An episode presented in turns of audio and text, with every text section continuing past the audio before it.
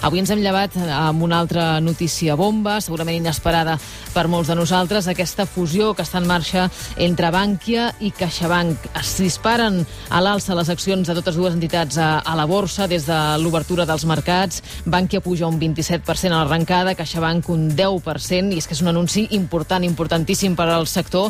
Es podria concretar en les properes setmanes i l'entitat que en resultés seria doncs, líder absoluta del mercat espanyol amb 650.000 milions d'euros en actius i més de 50.000 treballadors. Però més enllà dels números, què significa aquesta fusió? A veure si ens ajuda a entendre-ho el degà del Col·legi d'Economistes, Anton Gasol. Molt bon dia. Hola, molt bon dia. Com canviarà aquesta fusió el panorama bancari de l'estat espanyol? Bueno, més concentrat i d'una forma, podríem dir, encara que pugui ser amb el millor sentit de l'expressió, més oligopolístic. I això és bo o dolent?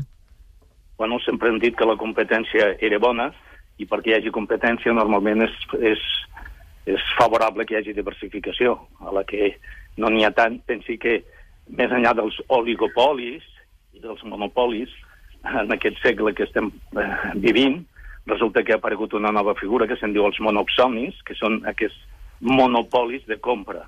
Aquests, aquestes grans corporacions que tenen un gran poder de compra, com pot ser Amazon o com pot ser Mercadona, aquest tipus de coses.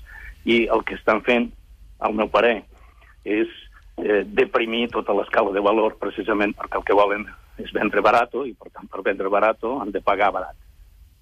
Eh, quan una operació d'aquesta envergadura uh, surt a l'esfera pública i tots els mitjans en parlem, uh, vol dir que això ho podem donar per fet, pràcticament, no, professor? Ben, ben segur. Per tant, la fusió es farà. Sí, la, jo crec que la pregunta de totes maneres rellevant, amb un mercat lliure, en la que hi ha la iniciativa empresarial, la llibertat absoluta de la iniciativa empresarial, la pregunta rellevant és, això ha estat a iniciativa de les entitats o ha estat indicat per autoritats governamentals, ja siguin espanyoles o europees? I, i quina és la resposta?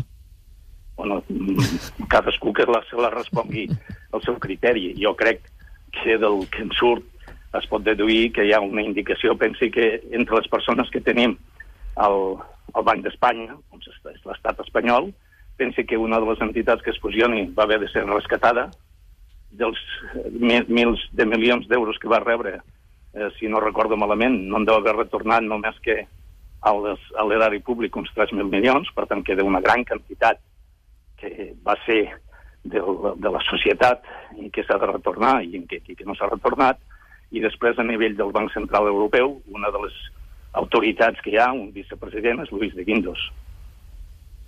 I, I què passarà amb les ajudes públiques? Ara hi feia referència. Aquelles ajudes que van rebre, què passarà amb elles? Bueno, aquestes ajudes públiques vol dir que si es, es fa aquesta fusió, vol dir que una entitat que està eh, que el, el sector públic en té més del 60%, es diluirà aquesta proporció, no sé si cap al 14 o el 15%. En definitiva, jo diria que es privatitzarà una mica l'ajuda pública. I podrà competir a nivell europeu aquesta nova entitat, que serà la primer, la primer banc espanyol de l'Estat, de fet? Doncs pues miri, aquesta pregunta la trobo molt rellevant i molt interessant. El que realment ens hem de preguntar, que des de que hi ha la Unió Econòmica i Monetària, i una de les coses que s'està dient és que es voldria que es completés aquesta Unió Monetària, com és que no estem parlant de bancs paneuropeus? Com és que gairebé cap al primer terç del segle XXI encara estiguem parlant dels sistemes financers dels estats membres de la Unió Europea. No li sembla que això és un endarreriment? Pensi que hi ha una directiva europea des de fa anys en la que diu que totes les persones de la Unió Europea poden obrir comptes, el que se'n diu bàsics, a tots els estats membres sense que hagin de tenir residència i puguin canalitzar allà dintre totes les operacions bàsiques d'un client, tant si són eh, dipositar fons com crèdits, com domiciliar pensions, etc. I que, a més, els bancs centrals de cada un dels estats membres han de fer publicitat de quan ús es fa d'aquestes comptes bàsiques obertes en cada un dels bancs dels estats membres. Per tant, jo sóc partidari de que el que cal és una banca paneuropea, que deixem d'estar de bancs estatals dels estats membres, que això és decimonònic. Però som lluny ara d'aquesta banca paneuropea. bueno, doncs eh, hem de treballar per això, pensi. I no només això, eh? hi hauria moltes més coses, tot el tema de la digitalització, el tema de l'aparició de noves eines i de noves maneres de fer banca. Per tant, a mi, el meu parer, no es tracta tant de ser gran, sinó de ser eficient. I el que cal és pensar en l'eficiència i no en la grandària. I per parlar de l'eficiència, el que cal és transformació.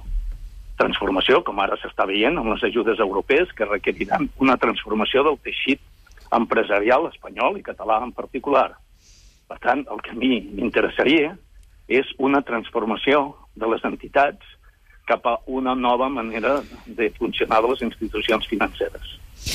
Com afectarà aquesta operació a, als altres bancs, principalment al Sabadell, que sembla que ara queda una mica despenjat en el mapa? Bueno, eh, despenjat, eh, no sé, vostè haurà pogut, o també s'haurà pogut veure alguna notícia relacionada en la que també es pensa que una altra de les operacions possibles podria ser la unió dels altres dos grans bancs més el Sabadell. Exacte. Bueno, segurament aquesta és simplement uh, l'aparició d'un iceberg però que té més profunditat de lo que apareix en superfície. És a dir, que veurem més moviments en els propers mesos? Probablement. La pregunta també rellevant és si aquests moviments són els més, els, els més aconsellables, els més recomanats, o hi hauria altres maneres millors de fer les coses. Anton Gasol, degà del Col·legi d'Economistes, moltes gràcies. Molt bé. Gràcies, bon dia. Disposar.